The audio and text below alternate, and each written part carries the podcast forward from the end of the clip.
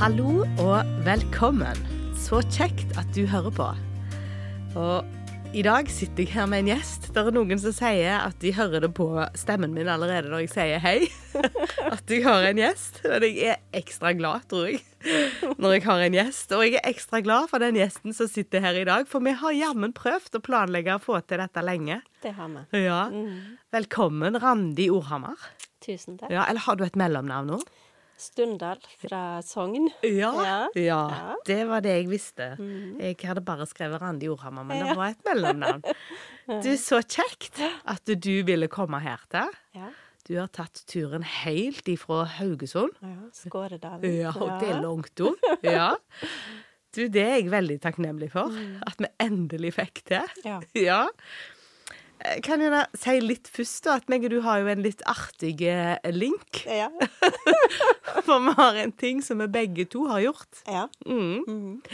Utenfor komfortsona, må jo jeg si Ja, utenfor komfortsona. Vi har vært på TV Haugaland Ja. i det samme ærendet, Ja. begge to. Ja. Det er nesten så flaut at vi har sikkert ikke egentlig lyst til å si det. Men vi har vært på Spør eksperten. ja. Ja. ja. Kjenner du deg som en ekspert? Nei. Ikke heller. Nei. Uff a meg. Ja. Men det betyr jo litt at vi, vi brenner for litt samme sak, da. Det er helt sant. Mm. Det gjør vi. Og så har vi møttes i litt sånn felles eh, kjente Ja. eh, sammenheng og sånt. Mhm. Ja. Jeg har hørt når du har talt. Ja. Ja. Mhm. Så det. Så jeg syns det var veldig stas mm. at du hadde lyst til å komme. Men du, Randi. Ja. Du må fortelle litt. Hvem er du, Randi? Hvem er jeg? Det er jo et gøy Allerede der så sa jeg Kim. Jeg er jo ikke haugesunder. Nei. Ikke, nei. Så jeg, jeg pleier ofte å si at jeg er en sogning som har forvilla meg, og underveis mista dialekta. um, sier mine foreldre, i hvert fall.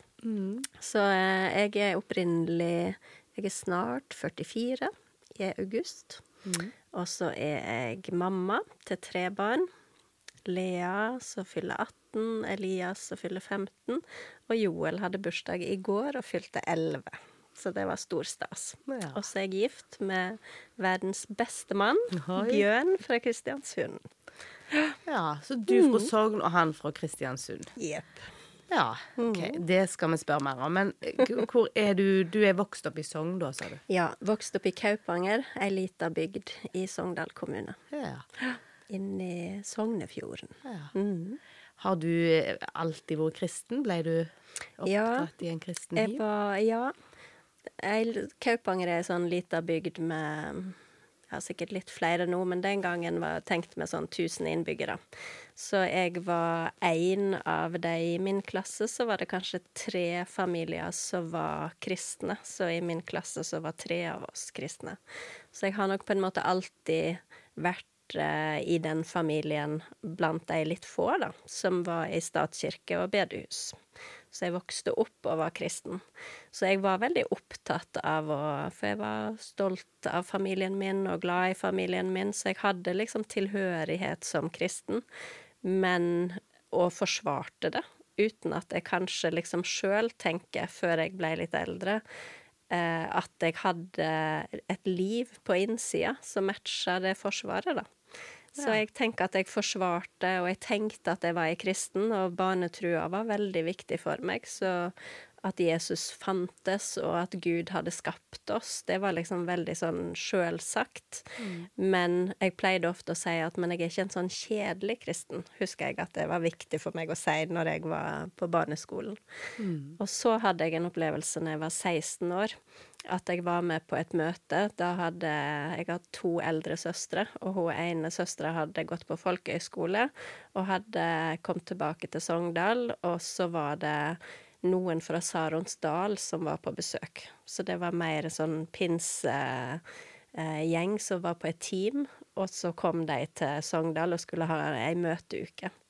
Og da hadde hun, søstera mi Silje hadde veldig lyst til at jeg skulle være med, og jeg var litt sånn snill pike, så jeg tror jeg sa nei til å være med tre ganger, og så følte jeg jeg kunne ikke si nei flere ganger. Så da ble jeg med på et møte. Og da forvandla Det var sånn første gangen jeg kanskje sånn skikkelig på innsida opplevde at det finnes virkelig en Gud, og han har lyst til å ha noe med meg å gjøre. Eh, og at noe forvandler seg på innsida. Eh, så, så tro og gudsliv fikk en helt annen dimensjon den dagen.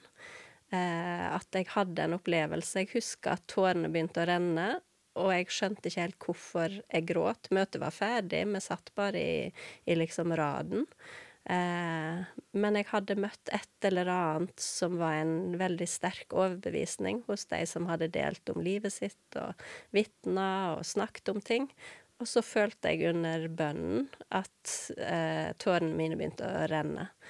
Og så tenkte jeg at dette er Jesus. Dette er nå, nå vil han ha noe med meg å gjøre. Og jeg vil ikke noe annet enn å ha noe med han å gjøre. Mm. Så da husker jeg at jeg liksom tenkte at det er veldig mye mer enn jeg har skjønt, var opplevelsen min som 16-åring. Ja. Mm. Så nydelig. Ja.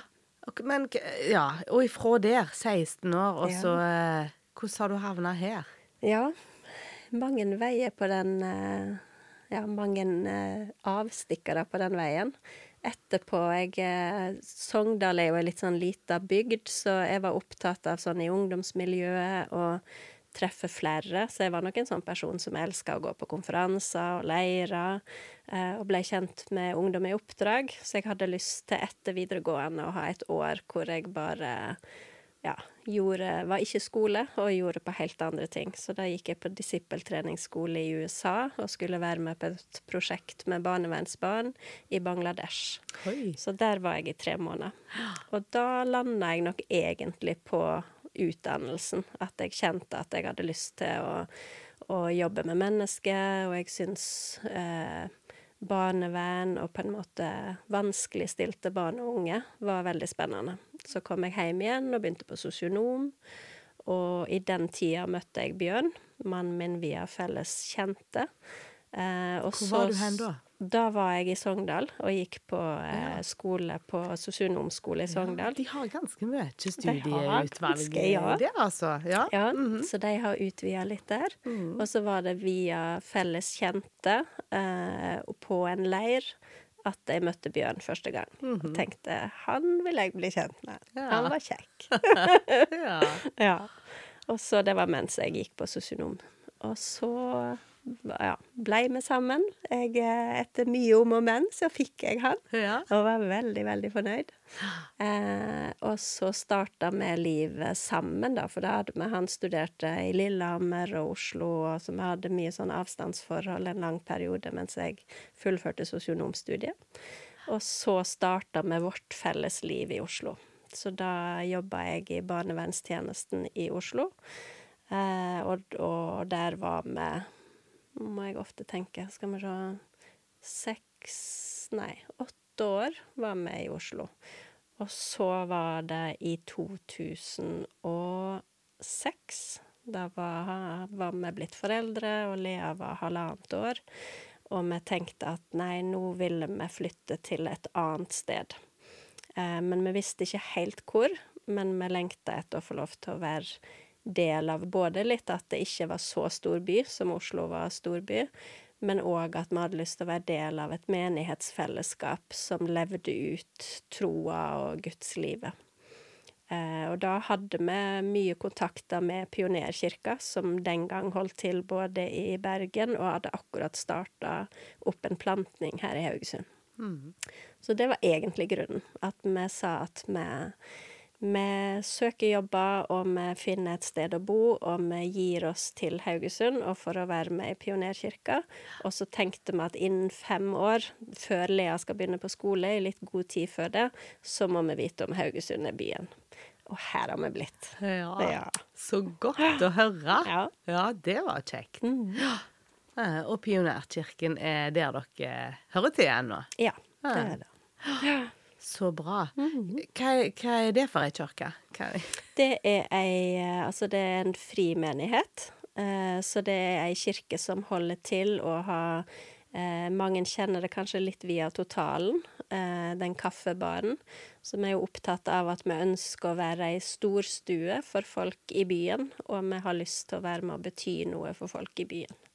Og så har vi hatt gudstjenester på totalen veldig lenge. Nå eh, de siste tidene så har vi òg eh, starta Byscenen, som ligger vegg i vegg, for å ha plass til litt flere på gudstjenestene. Ja. Så der har vi gudstjenester søndag klokka 11, og så har vi en gang i måneden hvor vi har kveldsgudstjenester. Ja. Så det er veldig kjempefin menighet å gå i. Ja. Litt sånn der eh, løs og ledig. Opptatt av lovsang, og er opptatt av at en skal inkludere folk som er søkende, men òg de som kanskje har lyst til å liksom se litt hva det er. Eh, som er uformell stil, elsker kaffe, ha en liten pause på midten og mingle og prate litt. Og så er det å dele Guds ord, og så er vi veldig opptatt av å være med og tjenestegjøre og be for folk. Så vi har ofte det på slutten av møtene våre. ja. Mm. Så bra. Ja. Mhm. Det hørtes kjekt ut. Jeg fikk lyst til å komme på gudstjeneste sjøl. Det har jeg aldri vært. Ja, Ja. det har jeg aldri vært. Har ikke det? Jeg har vært på Totalen, da. Det Ja, har jeg jo veldig kjekt. Ja, men så bra. Eh, Men sosionom, jeg spør, hva jobber du eh, med nå? Ja, nå er jeg Jeg har tatt videreutdannelse i familieterapi og klinisk sosionom etter det, eller før familieterapien. Eh, og så har jeg tatt en videreutdannelse i parterapi, og elsker å få lov til å være med og jobbe med parterapi. Så for seks år siden er det vel snart, så begynte jeg på familievernkontoret i Haugesund. Ja. Og så overtok jeg der som leder for noen år siden. Så der jobber jeg. ja. Midt i Som- byen. ja, fantastisk. Mm. Det er jo en spennende jobb. Det er en kjempespennende jobb. Ja. Beste jobben. ja. Ja, men så bra. Eh, så vi har litt felles som vi brenner for, da, med dette med par og sånt. Jeg har jo bare drevet kurs. Ja. Men eh, ja, du har utdanning i parterapi. Mm. Mhm. Mhm. Mm. Eh, Hvorfor er det meningsfullt? Jobbe med Jeg syns det er utrolig fint å, å få lov til å, å se Altså, jeg tenker at det er noe av det mest dyrebare vi har, er den relasjonen som en kjemper sånn for å få til, og som er så vanskelig for oss alle. Å kjenne at alle dager er bare opptur, det tror jeg ingen av oss kjenner. Og så er de parene jeg møter i jobben min, er jo de som av ulike, veldig forståelige grunner har, har oppstått situasjoner som gjør at avstanden er blitt ganske stor, men de kjenner at de har lyst til å kjempe for parforholdet sitt. Eh, og mange som kan ha spørsmålet er det mulig å skru på følelser igjen når det på en måte har svunnet hen. Eh, det kan ha skjedd eh, tillitsbrudd. Eh, om det er utroskap, eller om det er økonomi, eller om det er andre tillitsbrudd som har skjedd, som gjør at det er veldig vanskelig å finne hverandre. Og da syns jeg det er utrolig betydningsfullt å få lov til å være en tredjepart da, som jobber i den relasjonen og kjemper den kampen sammen med deg. Og kunne, kunne tro på at det fins et kart fra det å være i en utrygg relasjon til å komme over i en trygg relasjon. Og det um, er helt fantastisk å få lov til å være litt sånn vitne til, da. Hvor Ja. modige folk er på å å våge å være sårbar, våge å vå- åpne opp for det som er vanskelig. Eh, og våge å håpe og tro, sjøl om man ikke alltid tror. Og klare å liksom tro på endring, tro på legedom, og at sår kan heles, da. Ja. Og jeg blir jo helt ufattelig berørt over motet folk har. Og kanskje òg over kraften som faktisk jeg tenker ligger biologisk i oss mennesker, til å ville nærme oss hverandre. Den er enormt kraftfull. Så eh, det syns jeg er helt fantastisk å få lov til å være vitne til hver dag, da.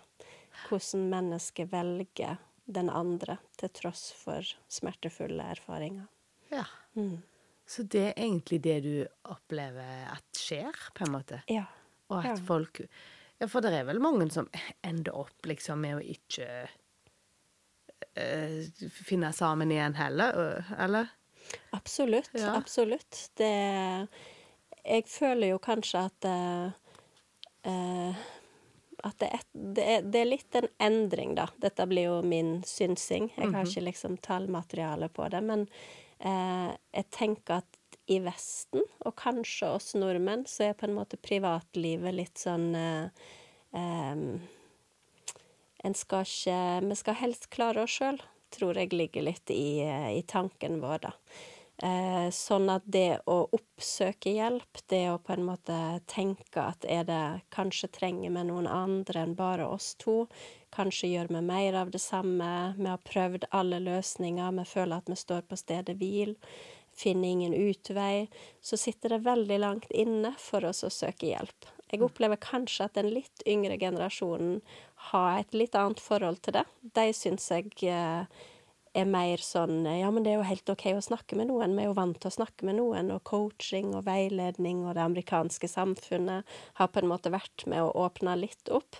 Men for de aller fleste så oppsøker både privat næringsliv, tror jeg, og oss i familievernet, så tenker jeg at en ofte kommer litt seint. En har venta veldig lenge, og en har på en måte eh, blitt sittende litt på gjerdet, da over lengre tid, som gjør at avstanden òg har økt.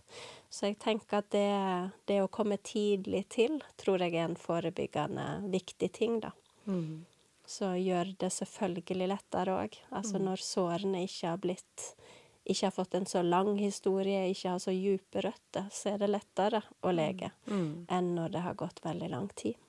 Men det er absolutt mulig når det har gått veldig lang tid òg. Ja. Men begge to må ville det, da. Det er jo litt av det såre. Og viktig å på en måte få jobba med litt sånn um, At jordsmonnet er godt. At en får på en måte avklart og tydeliggjort litt før man kommer i gang. Eh, at, det, at man har lyst til å gi den innsats. Og det er for de aller fleste av oss tror jeg ikke det er gjort på tre samtaler. Så det er på en måte det er noe man må investere i, og tenke at OK, vi velger hverandre, og vi har lyst til å sette av seks til ni måneder med å jobbe intenst for parforholdet vårt for å se om vi kan klare å få det bedre. Ja. Så det krever en innsats, og begge to må ville det. Ja, og det er egentlig det vanligste tidsperspektivet, da, som du sier der? Seks til ni måneder? Ja. ja. Også noen som er mye lenger enn det òg. Men mindre enn det er vanskelig å på en måte klare å snu ting. Ja. Mm. Mm. Nei, dette er så spennende mm. å uh, høre du fortelle om, altså. Mm. mm. Men uh, ja, hvor mye må man slite, tenker du, for å kunne Dette er jo sånn, ja. Mm. Hvor mye må man slite for å søke hjelp hos dere, liksom? Vi er jo et lavterskeltilbud, mm. så familievernkontoret Man trenger ikke å slite i det hele tatt. Altså, og det finnes par som, med mer sånn forebyggende, mm. som ønsker å eh, Det fins jo òg parkurs som familievernet tilbyr, ja. eh, men så er det par òg som ønsker å komme til eh, noen få samtaler, men å snakke om på en måte kommunikasjon, eller om mer tema de ser for seg som kan bli utfordrende type En skal flytte inn på en odelsgård, eh, svigerfamilien bor like ved. Hva er lurt av oss å tenke på? Mm. Eller nå venter vi vårt første barn. Hva er på en måte spesielle tema som dukker opp? Mm. Så det finnes absolutt de som i mer sånn ønsker å være i forkant, og har allerede begynt å kjenne litt på utfordringer, men opplever ikke å ha noen dype sår. Mm. Mm. For jeg la merke til at du sa i starten, når du begynte å snakke om dette, eh, mm. så sa du at eh, du òg, og alle vi, kan kjenne ja. på at det er vanskelig å være gift, og at mm-hmm. det erfarer du òg. Ja. Altså ja. OK, liksom. Jeg, jeg, kan snakke for meg, og jeg kan si at jeg syns det er vanskelig å være gift i perioder, ja. Og jeg syns ekteskapet er den mest krevende relasjonen på en måte mm. jeg, jeg har. Mm. Det er jo det. Mm. Eh, og jeg tror mange kan sikkert ha andre relasjoner som kan være krevende, eller og som av og til bruker litt tid på, tror jeg mange av oss med foreldrene våre, eller sånne ting, når vi løsriver oss og, eh, og sånne ting. Og, men eh, jeg opplever jo at det er en vanskelig relasjon da med eh, ekteskapet. Ja, og i perioder, på en måte. Nå har vi vært gift i 24 år. Ja. Mm. De hadde eh. bryllupsdag for litt siden, de. Ja. ja. Det så jeg på Facebook. ja. Nei, også, men det jeg tenker på da, er liksom eh, eh, For jeg syns jo mange ganger at når jeg liksom har kunnskaper om disse tingene, så skulle du tro at det hjelpte. Ja. Og så når du sier jo du er parterapeut, altså du har jo enda mer eh, praktisk kunnskap om hvordan på en måte Ja, enn det jeg har. Jeg har bare akkurat så lest i bøker det jeg kan, mm. og hele kurset om det, liksom. Jeg føler at det, at det det ofte handler om, da, i hvert fall for min del, er at det, at det, liksom, det er menneskelige reaksjoner. Så jeg tenker at jeg kan ha, og det er jo hjelpsomt å ha teori og ha kunnskap og ha gått på kurs og på en måte ha hørt om hva som er nyttig og hjelpsomt for oss, men den dagen På en måte den dagen eh, jeg aktiveres, da. Den dagen beskyttelsesmekanismene mine slår seg på. Den dagen jeg kjenner meg såra eller skuffa eller ikke blir sett eller ikke blir hørt, eller kjenner noe er utrygt, så reagerer jo jeg bare ut fra impulsene. Og da har jeg, i hvert fall min erfaring, er at da har jeg ikke tilgang til den kunnskapen jeg så gjerne skulle klart og på en måte nyttiggjort seg. Og det er litt det jeg føler når jeg møter parene òg, at det handler ikke om at en ikke vet hva en burde ha gjort. Altså det er ikke, det er ikke liksom eh, eh, Veldig mange kan si vi vet akkurat hvordan vi bør kommunisere, men i den situasjonen når vi på en måte reagerer fordi at vi er såra eller skuffa, eller responderer på noe som er vanskelig, så er det mer beskyttelsesmekanismene og det instinktive i oss mennesker som slår til. Og det er vel kanskje da ingen av oss egentlig har tilgang til det vi vet. Og i hvert fall ikke klarer å bruke det, da. Så, eh, så jeg tenker jo at når jeg sitter i parterapeutstolen på kontoret mitt, så er det fordi at jeg kan klare å holde avstand til akkurat det paret jeg har foran meg, sine på en måte emosjonelle responser. Men i mitt eget liv, i mitt ekteskap, så surrer jo jeg like mye og på en måte strever og syns det er sårt og vanskelig. Og kanskje er det noe den gjenkjennelsen i det menneskelige òg, da, som er godt å møte. Det tror jeg er av betydning, og ikke Derfor var det kanskje denne eksperttittelen var litt vanskelig å ta imot. ja, kan hende det. ja, ja. For det ja. kjenner seg jo ikke som en ekspert. En er jo bare et menneske som er underveis, og som kjemper med sine egne ting. ja. Men hva gjør du da, da, på en måte? Altså eh, I mitt liv. Ja, hva er dine Ja. strategier? Har du noen hotte Jeg tenker liksom? Ja, sant. Em, jeg tenker nok at uh, i teorien, da, at det å, det å klare å på en måte oppdage når det er jeg netter ned, eh, er litt sånn det første steget, og kanskje jeg ikke skal avkreve så veldig mye mer av meg sjøl. Eh, fordi at jeg tenker em, jeg jobber ofte i forhold til noe som er emosjonsfokusert parterapi. Og da snakker vi litt sånn om at i det emosjonelle så reagerer vi enten med å liksom ta et steg fram og skru opp lyden, og liksom opprette kontakt. Når ting er vanskelig, så må vi hei, vi må snakke sammen, og så skrur den liksom opp litt. Og den andre responsen som vi mennesker òg har, da, er mer å skru ned lyden og stenge verden litt ute og ta et steg tilbake og prøve å liksom forstå hva skjedde nå. Og jeg er absolutt mest av den siste. eh, så jeg kjenner jo at det å oppdage i mitt liv, da, om det er med ungene, eller om det er med Bjørn, eller om det er med andre, så liksom å bli Å få økt litt mer bevisstheten i meg sjøl på når dette skjer. For det er veldig sånn umiddelbar. Det er på en måte en respons som bare inntreffer litt sånn instinktivt, som jeg ikke har så mye bevissthet om, men jeg ser at jeg gjør det. Eh, at eh, måten å beskytte meg på blir å trekke meg litt unna. Eh, og det kan jo lett misforstås. Bjørn kan jo oppleve at jeg avviser, eller at jeg ikke bryr meg, eller at jeg blir stille. Støtter jeg han ikke da, mener ikke jeg det samme som han, og så trør en på en måte inn i de ulike mønstrene som blir vant for oss, da. Så jeg tenker for i parforholdet vårt så er det viktig å forstå hvor er det vi mister hverandre når vi liksom får et negativt mønster. Eh, og hvor er det vi spiller hverandre god i det gode mønsteret. Men det, så det syns jeg er hjelpsomt. Og føler jo på en måte at den kunnskapen og utdannelsen jeg har tatt, virkelig er hjelpsom i eget liv. Men det betyr ikke at jeg får det til. Mm. Ja. Da får du opprette Du skjønner på et eller annet tidspunkt, hvis du har trukket deg inn i deg sjøl, at du Ja. må opprette kontakt likevel. Ja, Ja. ja. Og litt sånn å sette ord på det for at det skal gi mening for de andre òg. Mm. Eh, og dette kan jeg gjenkjenne med ungene òg. Jeg husker hun eldste sa da var ganske ung, så kunne hun si at 'mamma, du ser så streng ut'. Og da fikk jeg ei sånn uh, rynke liksom over øynene i Ja, panna. sånn, mhm. At den uh, Og det er litt sånn når jeg er konsentrert, så får jeg det. Mhm. Men bare det der å forstå at uh, OK, vi, vi signaliserer noe med måten vi er på, da. Og når jeg trekker meg litt inn i meg sjøl og blir tankefull eller grublete, eller så kan omgivelsene oppleve meg som avvisende eller ignorerende eller sint, eller Og liksom det der å klare å sette litt ord på det for å gi mening for de rundt, er jeg nok blitt mye mer opptatt av. Og det er lett å gjøre det når jeg er det bevisst, men når det bare er litt sånn ubevisst Hvis jeg blir redd, så har jeg ikke bevisstheten. Da bare trekker jeg meg. Altså, da er det en instinktiv respons. Så da må jeg kanskje mer i ettertid prøve å gi mening og kunne snakke om det, sånn at jeg igjen kobler meg på det. Men eh, jeg tror ikke vi skal ta fra vår menneskelige responser, for de er der av en grunn. Så jeg tenker både det å skru opp lyden og liksom ta affære er en kjempefin egenskap å ha.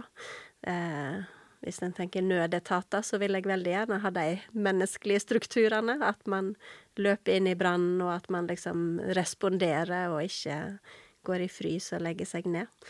Mens noen andre ganger så er det hjelpsomt og nyttig å på en måte ta et steg tilbake og få summa seg og tenkt seg om før man snakker. Så begge to er jo fine egenskaper.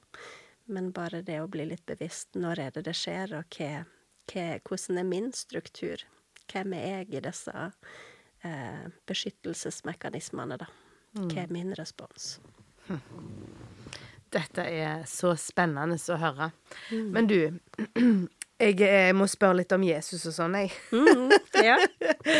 Eh, Jeg har to spørsmål Ja. som jeg stiller til alle. ja.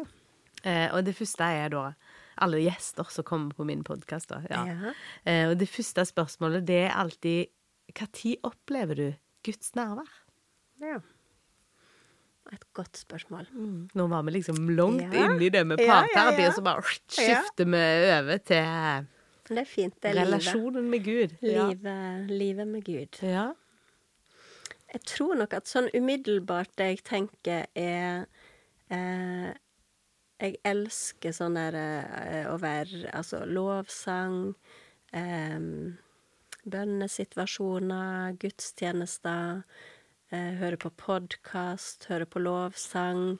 Så det handler ikke nødvendigvis om at det er veldig mange mennesker rundt meg. Det kan være både når det er mange mennesker rundt, og det kan være når det bare er meg. Eh, men kanskje fellestrekket er at jeg venner meg til Gud, da.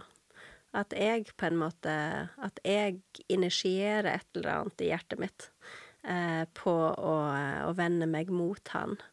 Og det syns jeg ofte kan kjenne det i naturen og sånn òg, men jeg, jeg liker veldig godt lovsang, da. ja. Ja. Åpne opp, liksom. Ja. Ja. Ja, ja. Og når jeg er liksom i relasjonssporet, så tenker jeg at det At jeg initierer, at jeg ser på han, da. At jeg på en måte vender blikket mitt mot han. Ja.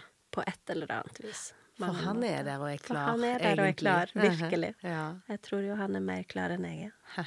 ja, det var Mm. Hæ, Veldig fint. Men Jesus, da, hvis du skulle beskrive han med ett ord eller en setning, hvem, hvem er han for deg da, Randi? Ja. Det har jeg hørt på podkasten din og tenkt for et fascinerende spørsmål. Ehm, jeg lurer på om det umiddelbare Sikkert fordi at vi snakker om det vi snakker om, da. Ja. Men eh, jeg kjenner at eh, setningen er eh, Ja, jeg vil deg. Altså det du sa om at initiativet ligger hos han, da. At liksom han, han er et stort ja. Jesus er et stort ja, og han sier til hver og en at 'jeg vil deg'. Jeg vil deg. Ja, Det var fint. Det er Jesus for meg. Hæ. Mm. Ja, jeg vil deg. Mm. Jesus sier det til Mm. deg, Randi. Mm. Mm. Det var kult. Det var et litt sånn annerledes uh, svar, egentlig. Ja. ja. Jeg er nok litt sånn opptatt av at jeg føler at vi, vi mennesker ofte uh, lever litt sånn eh, Eller vi, vi har av gode grunner en eh, frykt for å bli forlatt, frykt for å bli avvist, frykt for ikke å passe inn. Eh, frykt for ikke å høre til, som jeg tror er veldig sånn biologisk lagt ned i oss, da. Eh, og det er kanskje det jeg syns er det mest fantastiske helt siden barnetroa òg. At på en måte det er det Jesus er for oss. Han sier først av alt Altså, han har skapt oss, og, og han sier først av alt at det jeg vil, jeg vil, deg vil jeg ha. Jeg, jeg er klar. Så det der å aldri bli avvist, og alltid bli møtt med åpne armer, det er liksom Det er Jesus for meg. Det er troa mi for meg. Er at initiativet er hos han. Og så kan vi velge han bort, Mm. og vi kan velge å ta imot han. Men han er alltid den samme. Han er bare et ja eh, til kontakt med oss. Og det, det tenker jeg det er det ingen andre som er. Kan du, kan du beskrive hvordan det er når du da på en måte venner deg til han, eller? Ja. Ja, jeg kjenner at jeg eh, For jeg, jeg er Som menneske så er nok jeg som alle andre i større og mindre grad på en måte prega av at eh, menneskelige nederlag. Så, så litt sånn vaktsom i min natur er jeg nok i møte med andre mennesker for å ta vare på meg sjøl og passe på hjertet mitt. Og, mens det kjenner jeg at når jeg vender meg mot Jesus, så skjer det noe som gjør at jeg kan ta vekk det der forbeholdet. Fordi at jeg har erfart over tid, mange nok ganger, at det er ikke fordømmelse hos han.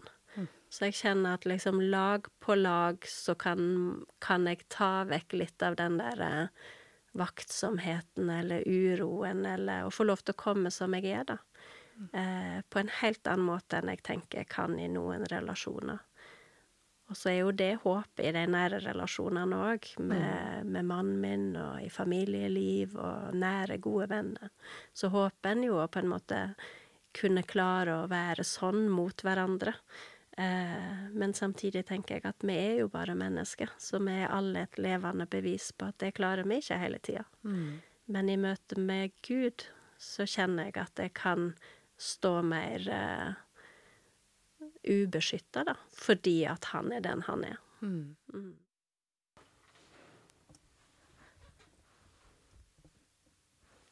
Her velger jeg å bryte inn i samtalen som jeg har med U Randi, og har klippet det opp i to eh, samtaler. Sånn at eh, da skal vi avslutte for i dag på denne delen, og så får du høre resten av eh, denne samtalen i neste del med Narandi. Så da har jeg lyst til å si tusen takk for følget så langt. Håper at du hadde utbytte av det du har hørt på. Jeg hadde i alle fall utbytte av å snakke med Narandi. Så takk for følget nå.